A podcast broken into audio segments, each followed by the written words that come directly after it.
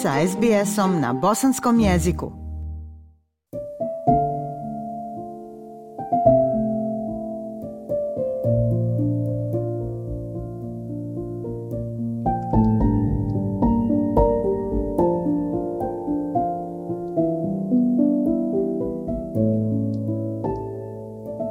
Slušate SBS program na Bosanskom. U završnici obilježavanja sedmice izbjeglica donosimo priču Esama Al-Galiba, o potencijalno najvećoj izbjegličkoj tragediji u vodama Mediterana u novije vrijeme. Porodice i prijatelji onih koji su bili na brodu migranata koji je potonuo u Sredozemnom moru sa otprilike 750 ljudi čekaju vijesti da li su preživjeli ili ne. Grčke vlasti su kritikovane što nisu spasile ljude na krcatom brodu, uprkos tome što su ga pratile satima incident se nazire kao jedna od najgorih tragedija ikada zabilježenih na centralnom Mediteranu. Kada je Kasim Abu Zaid primio poražavajuću vijest, nije gubio vrijeme. Brzo se ukrcao na prvi let iz Njemačke za Kalamatu, južnu grčku luku, koja je postala utočište za preživjele i žrtve najnovije migrantske tragedije na Mediteranu. Njegova supruga Ezra Aun i njegov zet Abdullah bili su na nesretnom brodu. Kasim, 34-godišnji sirijski izbjeglica, uspio je započeti novi život u Hamburgu u Njemačkoj, ali su njegovi najmiliji ostali na cjedilu, nemogavši mu se legalno pridružiti, kaže on. Oča je natjerao Ezru i Abdullaha da krenu na kobno putovanje, riskirajući svoje živote na trošnom krijumčarskom brodu koji je plovio iz Libije u Italiju. I had applied for refugee status for my wife through work, but it has taken a long time. I work in Germany. There has been no acceptance for reunification.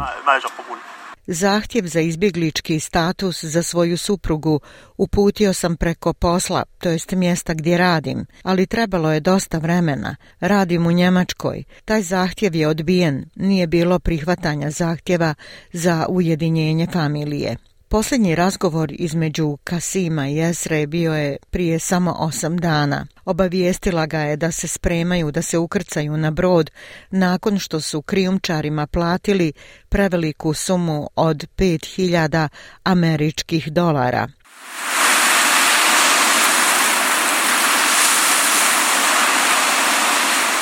Malo su znali za opasnost koja ih je čekala – Šanse da Ezra preživi tragični brodolom su nevjerovatno male. Vode Sredozemnog mora odnijele su živote najmanje 79 ljudi, a stotine se vode kao nestale.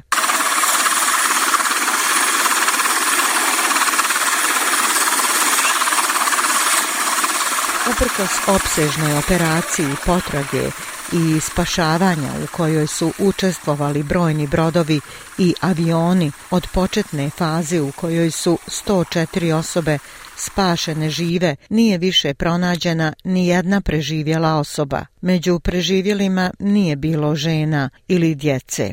Kako dani prolaze, Kasim se drži nade da bi njegov zet Abdullah mogao biti među ljudima koji su potražili privremeno utočište u Kalamati. Ovi ljudi potiču iz ratom razorenih zemalja poput Sirije, Egipta, Pakistana i palestinskih teritorija. Neki se oporavljaju od hipotermije i iscrpljenosti u lokalnim bolnicama, dok su drugi našli sklonište u skladištu u Luci u Kalamati. Vlasti vjeruju da su stotine ljudi, uključujući mnoge žene i djecu, bile zarobljene ispod palube u trupu kada se prenatrpana ribarska brodica prevrnula i potonula u dubokim vodama 75 km od obale. Predstavnica Ujedinjenih naroda u Grčkoj, Erazmija Romana, kaže da su izvještaji migranata nekoliko dana slikali scenu gužve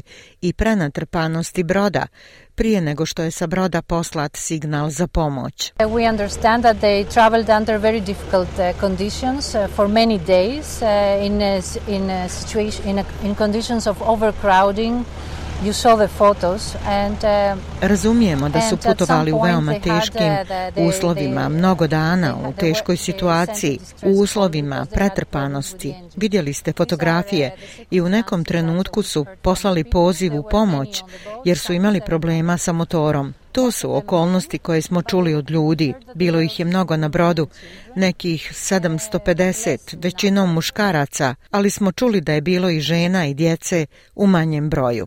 Ako se potvrdi, ovo će ući u historiju kao jedna od najgorih tragedija ikada zabilježenih na centralnom Mediteranu. Policija je uhapsila devet Egipćana zbog sumnje da su krijumčarili ljude od kojih je jedan bio kapetan broda osuđenog na propast. Gospođa Romana kaže da preživjeli psihički pate nakon svog mučnog iskustva.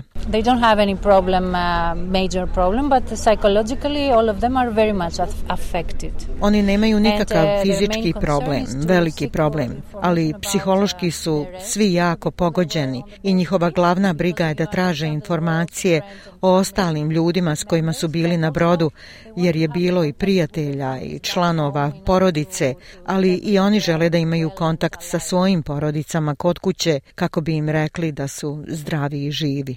Dan prije nego što je brod potonuo, Vidio ga je nadzorni avion Evropske agencije Frontex, ali je tvrdio da su putnici odbili bilo kakvu pomoć. Ljevičarski bivši grčki premijer Aleksis Cipras, koji je razgovarao sa preživjelima u Luci, kaže da su oni zaista pozvali pomoć. Grčke vlasti sada su kritikovane zbog toga što nisu učinili ništa i pokušali spasiti one koji su se nalazili na brodu uprkos činjenici da je brod obalske straže Grčke satima pratio čamac za migrante, bespomoćno gledajući kako tone u nekoliko minuta. Vincent Košetel, specijalni zaslanik UN-ove agencije za izbjeglice za zapadni i centralni Mediteran, kaže da je bilo jasno da je brodu potrebna pomoć. It's quite clear from the uh, photographic footage that is available that the boat was overcrowded on was unseaworthy. Uh, that's that's clear. So that's a boat that cannot go very far. Uh, Sasvim je jasno iz dostupnih fotografskih snimaka da je brod bio pretrpan i da nije bio sposoban za plovidbu. Dakle, to je brod koji nije mogao ići daleko. Predstavljao je rizik za ljude na brodu. Bilo kako bilo, šta su ljudi rekli ili šta su možda govorili grčkoj obalskoj straži ili trgovačkim brodovima koji su se približili tom brodu, jeste da taj brod nije trebao nastaviti svoj svakodnevni put. Gospodin Košetel kaže da mnoge primorske zemlje često pomažu migrantskim čamcima da ih izvuku sa svoje teritorije. Sumnja se da se to dogodilo u slučaju i ovog plovila. But that's something that we have seen over recent months is coastal states To je nešto što smo vidjeli u posljednjih nekoliko mjeseci. Obalne države osporavale su pojam nevolje, nadajući se da će brod nastaviti svoje putovanje kako bi stigao do italijanske zone traganja i spašavanja.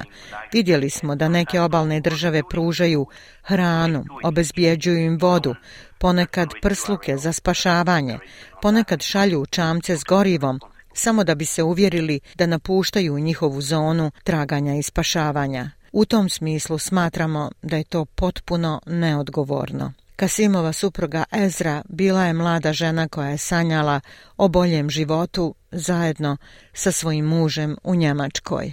I njen brat Abdullah također je imao svoje snove. Kasim se sada nada da će grčki spasioci koji pretražuju Jonsko more u potrazi za preživjelima pronaći Ezru i Abdullaha žive i zdrave.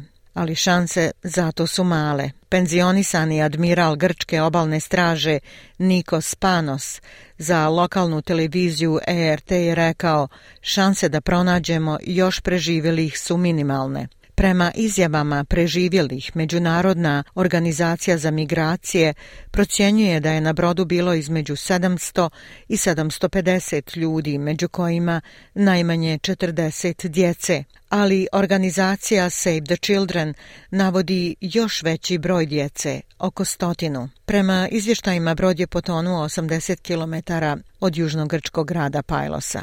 Ja sam Aisha Hadži Ahmetović. Ostanite uz SBS program na bosanskom jeziku. Like, share, comment. Pratite SBS Bosnian na Facebooku.